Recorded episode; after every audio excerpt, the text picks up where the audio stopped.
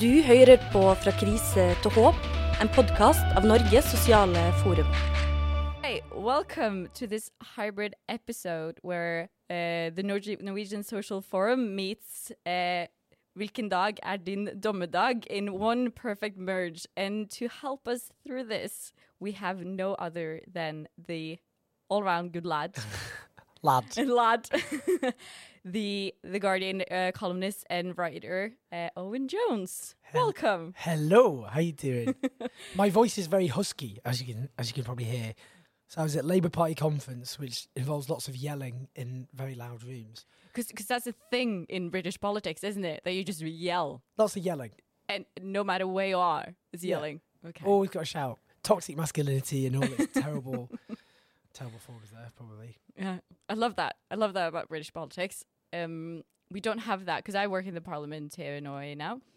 I didn't introduce myself. I'm Hege Skarud. Maybe people don't recognize my voice when I'm speaking English, you know.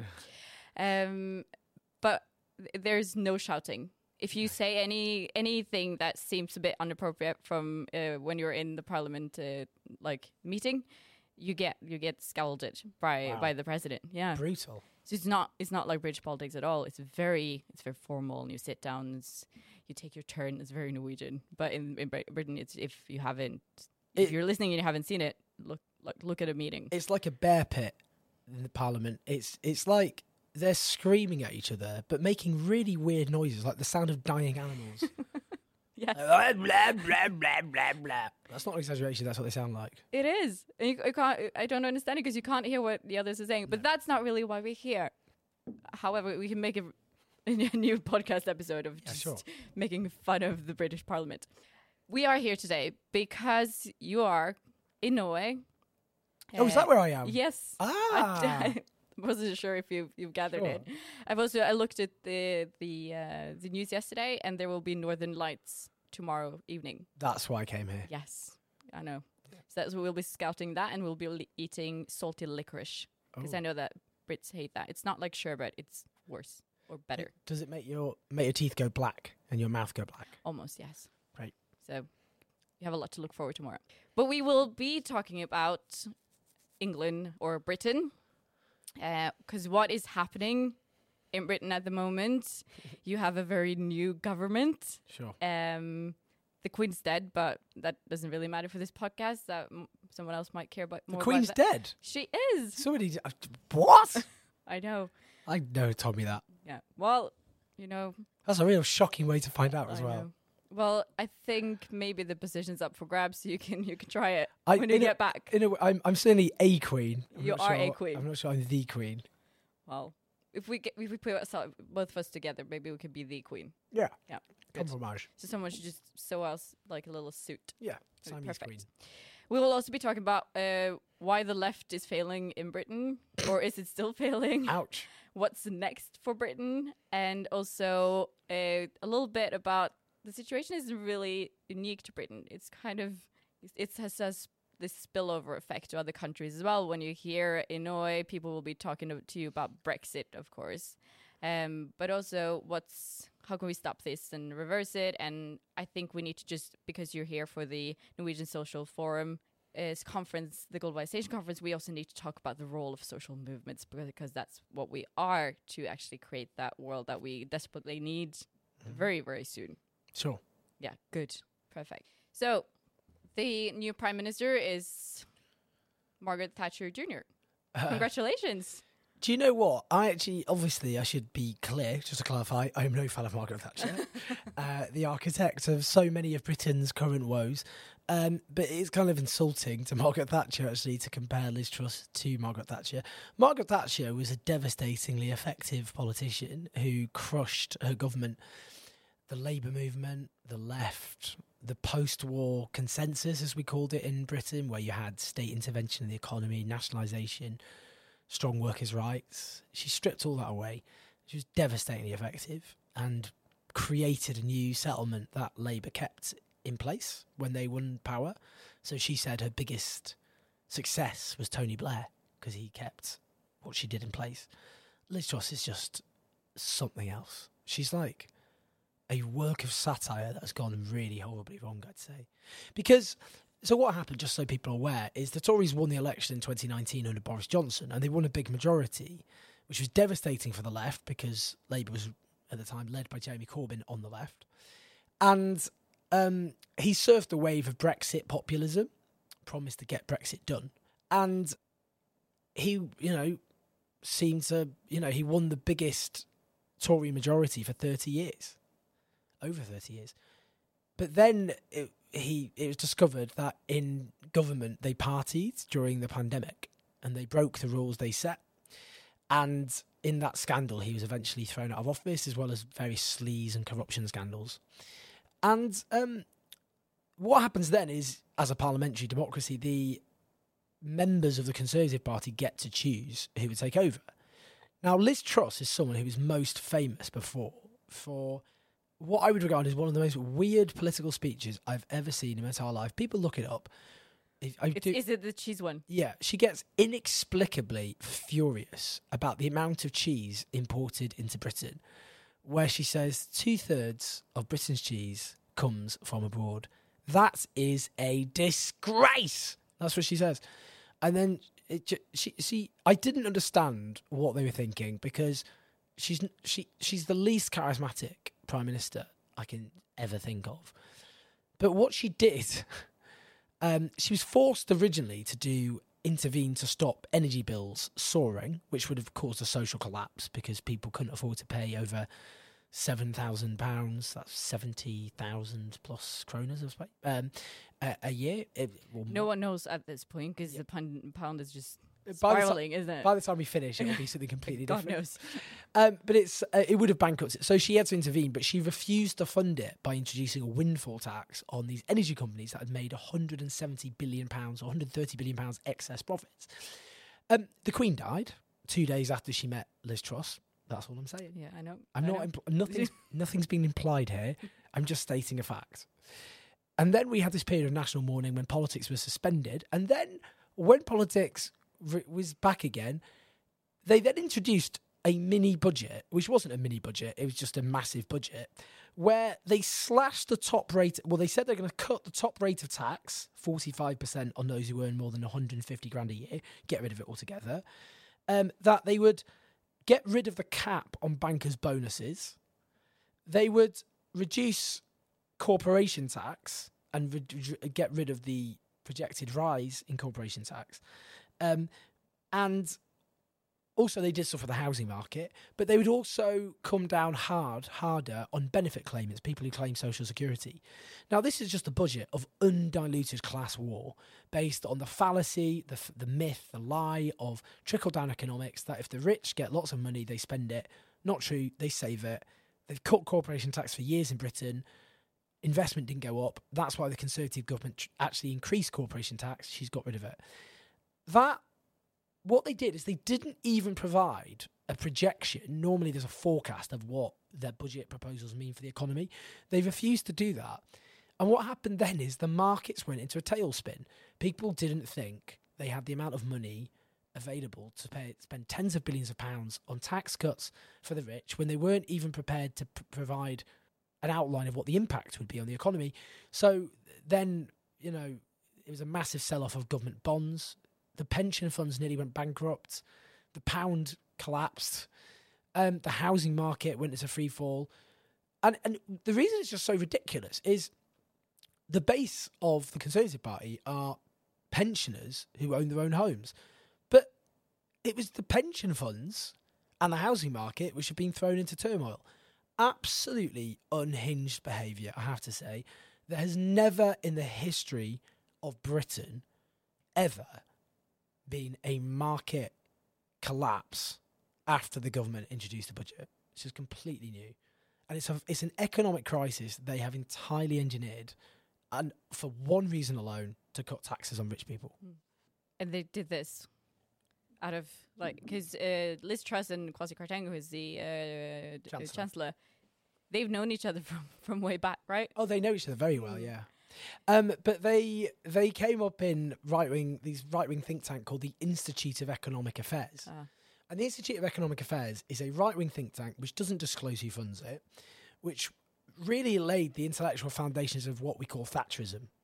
So a lot of the ideas Thatcher introduced came from there, and they came up um, in that think tank, and they co-wrote a book together in 2011 called Britannia Unchained. And that book was just a kind of right wing libertarian fantasy, wet dream, whatever you want to call it. But in it, it called British workers the laziest in the Western world. Really? So just outright just said lazy, don't put in the hours. British workers actually work some of the longest hours because of our neoliberal model. So it's just a lie anyway. Um, but it was very clear, you know, they're very ideological. But the thing is, they didn't win the general election on this. The Conservatives in 2019, when they went to the country, they won an election promising to abandon austerity and to be more interventionist in the economy. And they increased corporation tax. So there's no mandate for anything she's doing. It's just like a coup. It's just like she didn't even tell Tory party members who voted for her she was going to do this.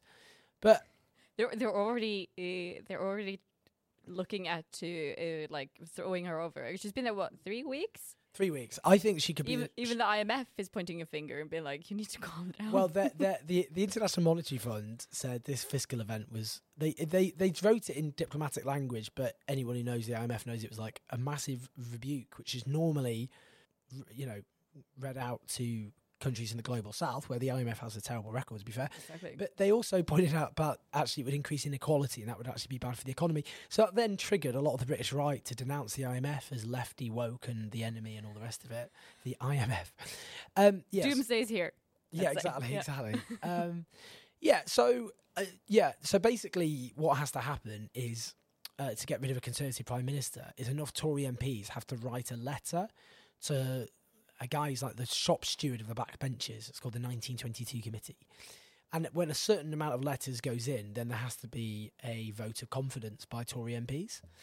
Um, I genuinely think she could be the shortest lived um, Prime Minister in history because the Conservative, uh, uh, the one latest poll shows Labour with a 33 point lead, which, if replicated at a general election, would leave the Conservatives with not a single member of Parliament in the whole of the House of Commons.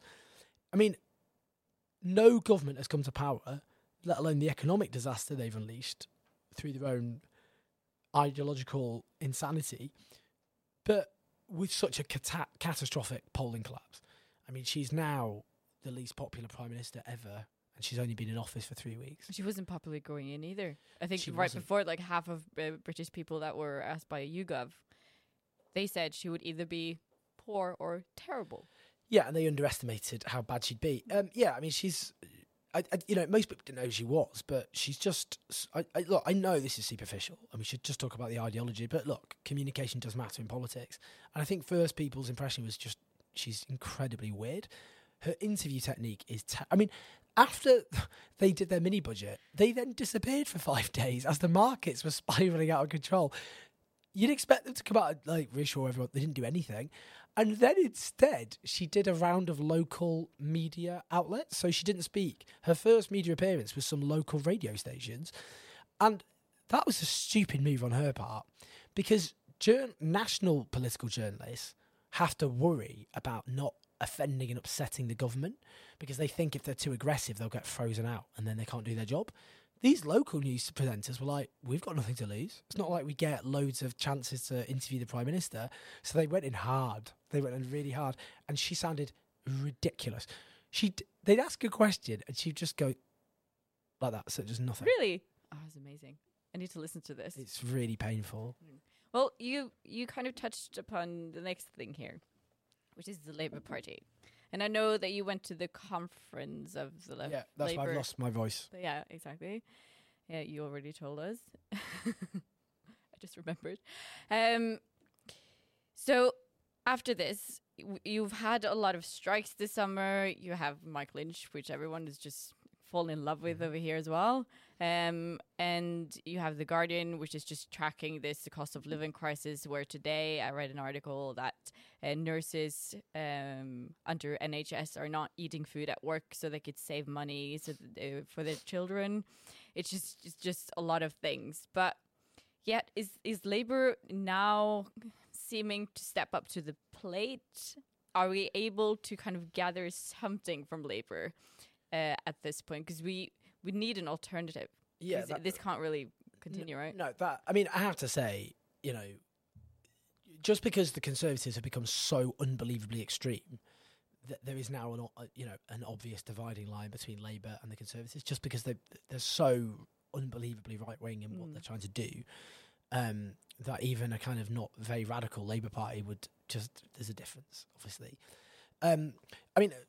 What I'd say is, is Keir Starmer, who's the leader of the Labour Party, was elected in 2020. He served under Jeremy Corbyn, uh, he was the Brexit spokesperson, but he wasn't associated with that politics at all. He didn't support Corbyn in the leadership elections.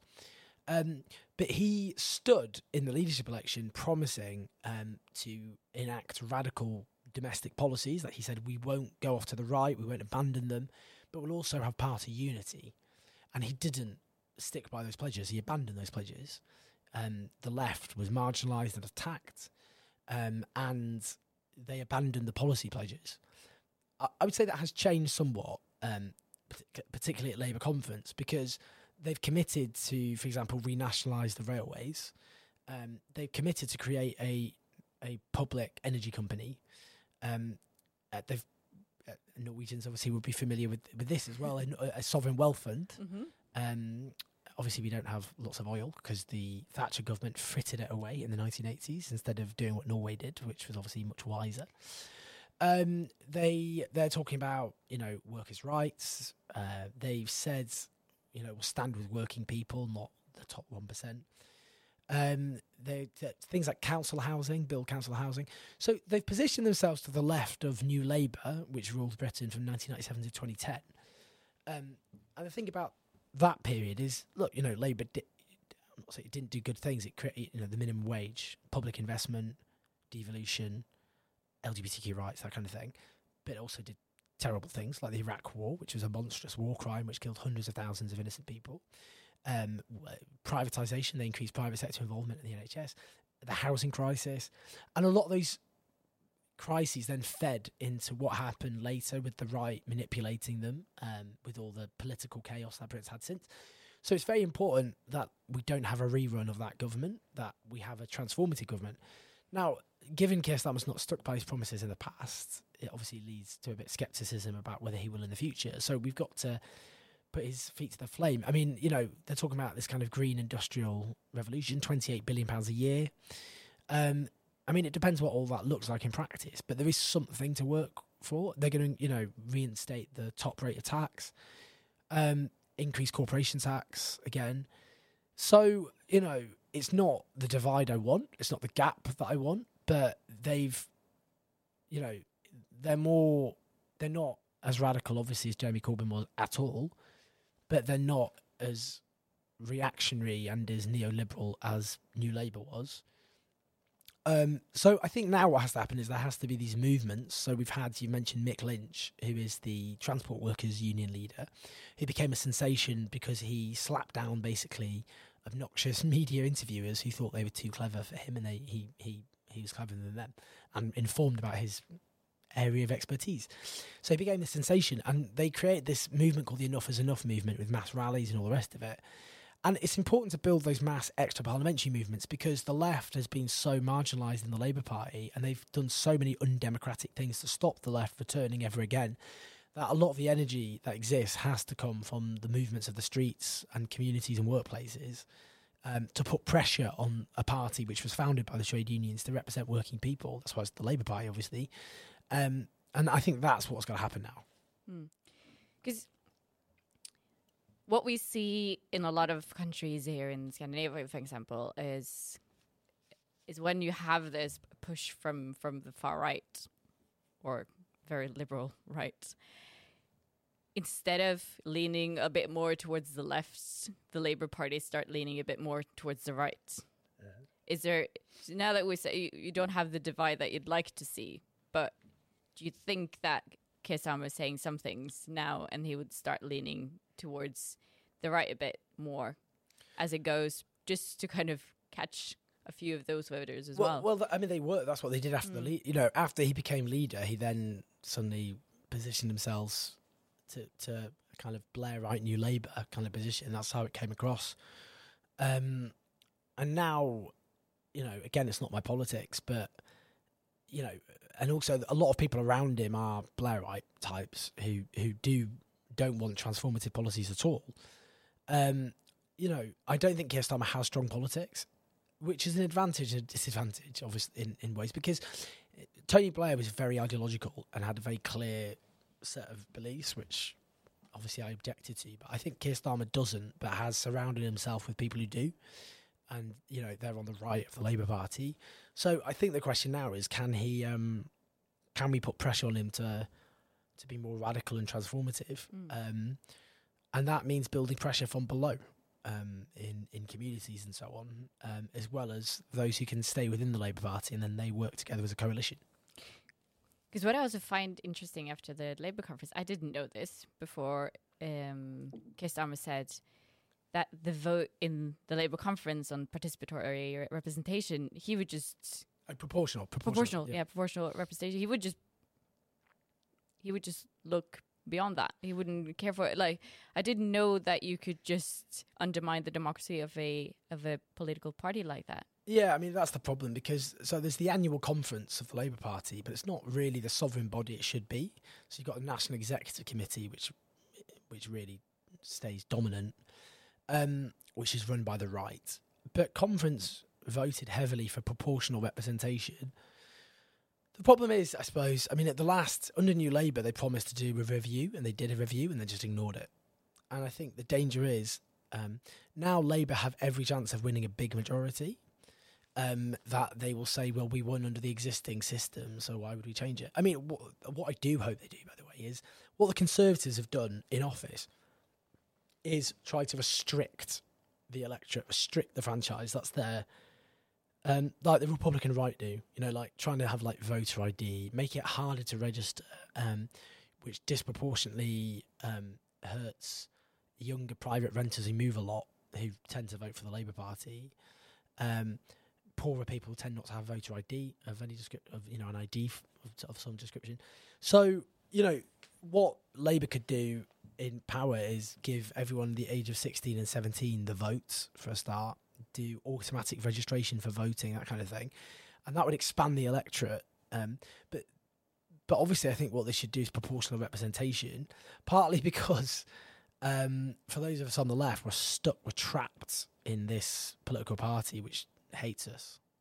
And I think it would be better if the different wings of the Labour Party um, made their own separate lives. Oh, sorry, yeah. So proportional. We should explain. We didn't explain what proportional representation is. So proportional representation is where the share of seats that a party gets in Parliament is the same percentage essentially as the votes they get cast. So if a party wins 25% of the vote, then they get 25% of the seats. Britain doesn't have that system. Britain has a system called first past the post. And what that means is the country is divided up into 650 constituencies. So if you take my constituency, Islington South, um, the way a party wins there is they just have to get the most votes. So it doesn't matter if they get if they get 30% of the vote and the nearest party after that gets 28% of the vote, well, they've won. Mm. So you don't need to win, you just need to come top. It's just whoever has the most votes. So you end up then with political parties, the share of seats they get, the Conservatives have a higher share of seats than they do votes. So they get more. Um, they get more seats for the votes, basically um, because it depends on how the vote crumbles in different areas. Because it, it basically every constituency, all the 650 parts of the country, it's like, like they're just having their own separate individual elections, and then at the end, it's the same in the American system for the electoral college. Um, so it's a um, it's not clearly a democratic system. You've had, you know, infamously in 1951, Labour won the most votes. In fact, it won more votes than it's ever won ever but the Conservatives won the election. Um, that also happened in 1974, the other way around. Um, you know, it's like in America where Donald Trump can become president even though he won uh, less votes. That's what happened with George Bush as well in 19 in 20 in 2000. Sorry, um, yeah. So you can end up with the loser becoming the winner, Mm. and that's not democratic, obviously. So you don't have. It's not the same as here. pretty much. You've got a proportional system here, and that means everyone can have their own separate individual parties, and then they form coalitions. Yep. I mean, there are downsides to it because I suppose those who are critical of it would say, um, you all you always end up with a government you didn't technically vote for. In that it's not like that coalition was on the ballot paper, and you end up with deals behind closed doors, and politicians can make promises, but they can discard them because they say, well, we have to build a coalition, so. Um, we can't keep all our promises. So yeah, I mean, you know, every electoral system has its downsides, but first past the post is so obviously undemocratic, and countries which have first past the post um, are far more likely to have left parties in government for long periods of time than uh, sorry, un- those countries with proportional representation than a country like Britain, where most people have always voted against the Conservatives, but the Conservatives have always, uh, sorry, have dominated politics. They've been in power the most. Exactly. And I remember when I lived in England, a lot of my friends they just they didn't vote because they didn't feel like their vote mattered anyway. Yeah, because it's a safe It's, seat. it's just like, it, wh- why should I? Yeah, you end up with seats in Britain where 70% or 60% of the local seats vote for one party. Mm. So there's no, you, you might feel there's no point you voting, but in another seat, it'll be very tight. And that also distorts things because MPs then focus on those seats. They don't focus on the safe seats because they think, well, they'll always vote for us. It doesn't matter. Instead, they, they think we have to go for the seats where it's marginal, where, and th- that gives some voters massive power and it means other voters are just excluded altogether because the view is they'll always vote whatever we do. Hmm. And for those of you who didn't know that you were going to be listening to a podcast about electoral colleges, it's very, but it's it's it's a fundamental issue when it comes to why this is happening in Britain as well. Um, but we're going to move forward as well because you've touched a little bit upon it, and that's the role of social movements and building ground up. Um, when I moved to England, it was in 2011. In I think it was in September. Do you remember the student demonstrations? yeah, I was, part just of them. exactly. I was just thrown into that, and I uh, I was just amazed of of the uh, the solidarity between people and and everything that we managed to do, uh, both with the the occupied St John's and and everything. But lately, well, I haven't lived in England for many years, but it just doesn't seem like there's a lot of movement happening. When everything was happening this this summer, all I was saying to my friends was just like riot, riot, do it, do it. It just takes one to start it, because but it's just it feels like there's some kind of defeat. Do you agree with that, or uh, is there anything like how can the social movements get like get the ground going? Are they already getting the ground going? Yeah, I mean, th- those student movements help politicise a generation of younger people. They really laid the foundations for a lot of the politicisation of younger people that took place later on. Because before the student movements of 2010 and 2011, the view was that young people were apathetic and didn't really care. They were disengaged from politics. And then you suddenly got large numbers of young people engaged in politics. And I think a lot of the movements then that followed, um, we had movements against tax avoidance uh, and then obviously for climate justice were, linked to that politicisation, which then found a home under Corbynism, but then hasn't disappeared, obviously. Yeah, and I think, you know, there's lots of examples. The housing movement, um, the attempts to organise private tenants, uh, Black Lives Matter, um, uh, you know, lots of trade union struggles that represent younger precarious workers in particular. Yeah, I mean, these these are movements that, you know, as one of my favourite quotes is um, Frederick Douglass, the um, African American 19th century statesman, who said, "Power concedes nothing without a demand; it never did, and it never will." It's the idea of you know organising around a series of demands and using your collective muscle and pressure um, to coerce the powerful into conceding. Um, and those social movements, obviously, you know, will play a key role. And you know, again, the difference between another way of looking at with you know a Labour government over a Conservative government is, you know, which um, opponent would you prefer? Would you prefer to be putting pressure on a Labour government or a Conservative government? And obviously, it'd be easier to win concessions and wins and policies from a, from a Labour government than it is under a Conservative government. So I think it's, um, you know, and, and also they're going to make. They've promised to repeal some of the anti-trade union laws, which stop unions from being able to organise and represent their members. Yeah, so I think um, you know, those social movements throughout history, that's how we won many of the rights and freedoms that we have today through their organising, their collective organising. Um, but we can see there's so many of them, as I said, from housing to tax to environment, um, and um, yeah, they, they, you know, that's where I think they'd come under the, under the, into their own under a Labour government. Are all those m- movements managing to kind of find together in some ways, or they're fractioned? Well, they're often fighting their own battles, but there's such an overlap with people involved in them. Um, you know, I'd, I'd like to see more coordination and things like enough is enough. This new movement about the cost of living crisis is trying to bring different people together and different groups together and different unions together. But the fact, you know, we've got unions who suffer the the most res- restrictive anti-trade union laws in the Western world. The fact they're, you know, flexing their muscles and organising, and the polling shows people support them. They've got huge public support, which you can't take for granted with strikes. You know, that shows that there is pressure to be built and organised, and that's what the unions are doing. So the thousand pound question today, which isn't worth that much at this point, I assume, is what's next for Britain? What what's happening now? Well, that's a very good question. Um, I mean, you know, Britain, this concept called British exceptionalism, which is, you know, really often underpins British um, political discourse, which is a hangover from empire and being an island nation, I would say, um, which is that the Europeans, uh, the continentals, are susceptible to these big, you know, kind of extremes and populism and demagoguery and tumult, and the Britain is stable and all the rest of it. And the last few years have really shown that to be a complete and utter lie. Um, Britain has been a state of crisis in, in some formal sense or other since 2016 when Britain voted to leave the European Union. Um, and since then, we've just had constant political chaos and tumult. Um, I don't think Liz Truss is going to survive. She's not going to survive till election. They would have to be completely insane, in my opinion, to keep her as prime minister.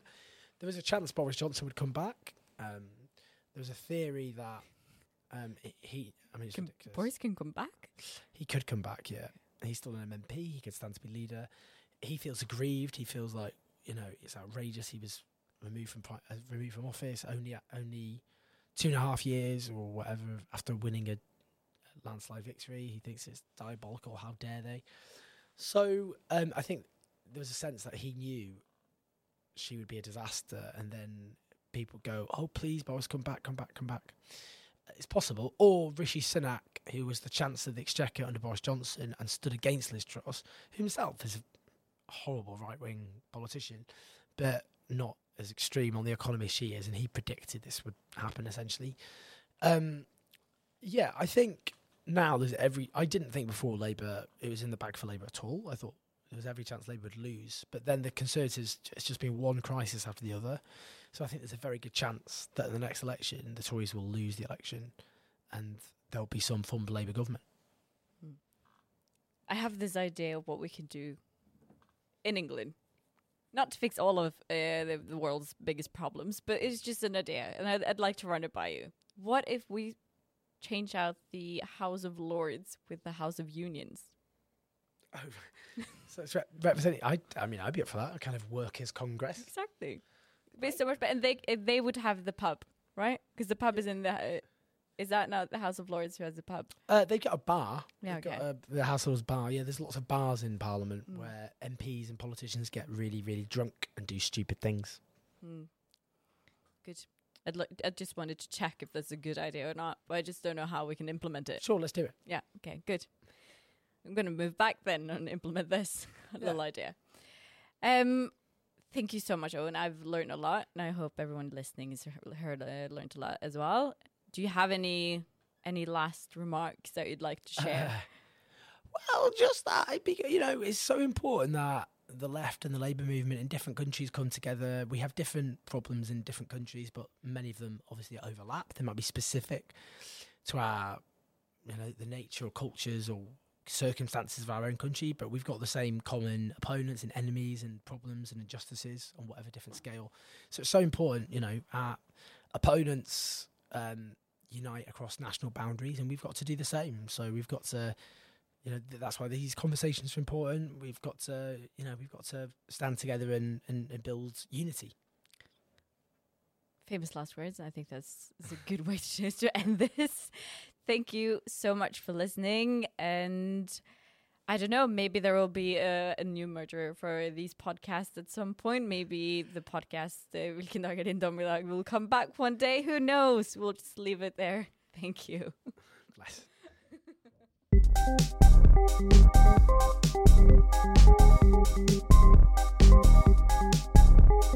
you.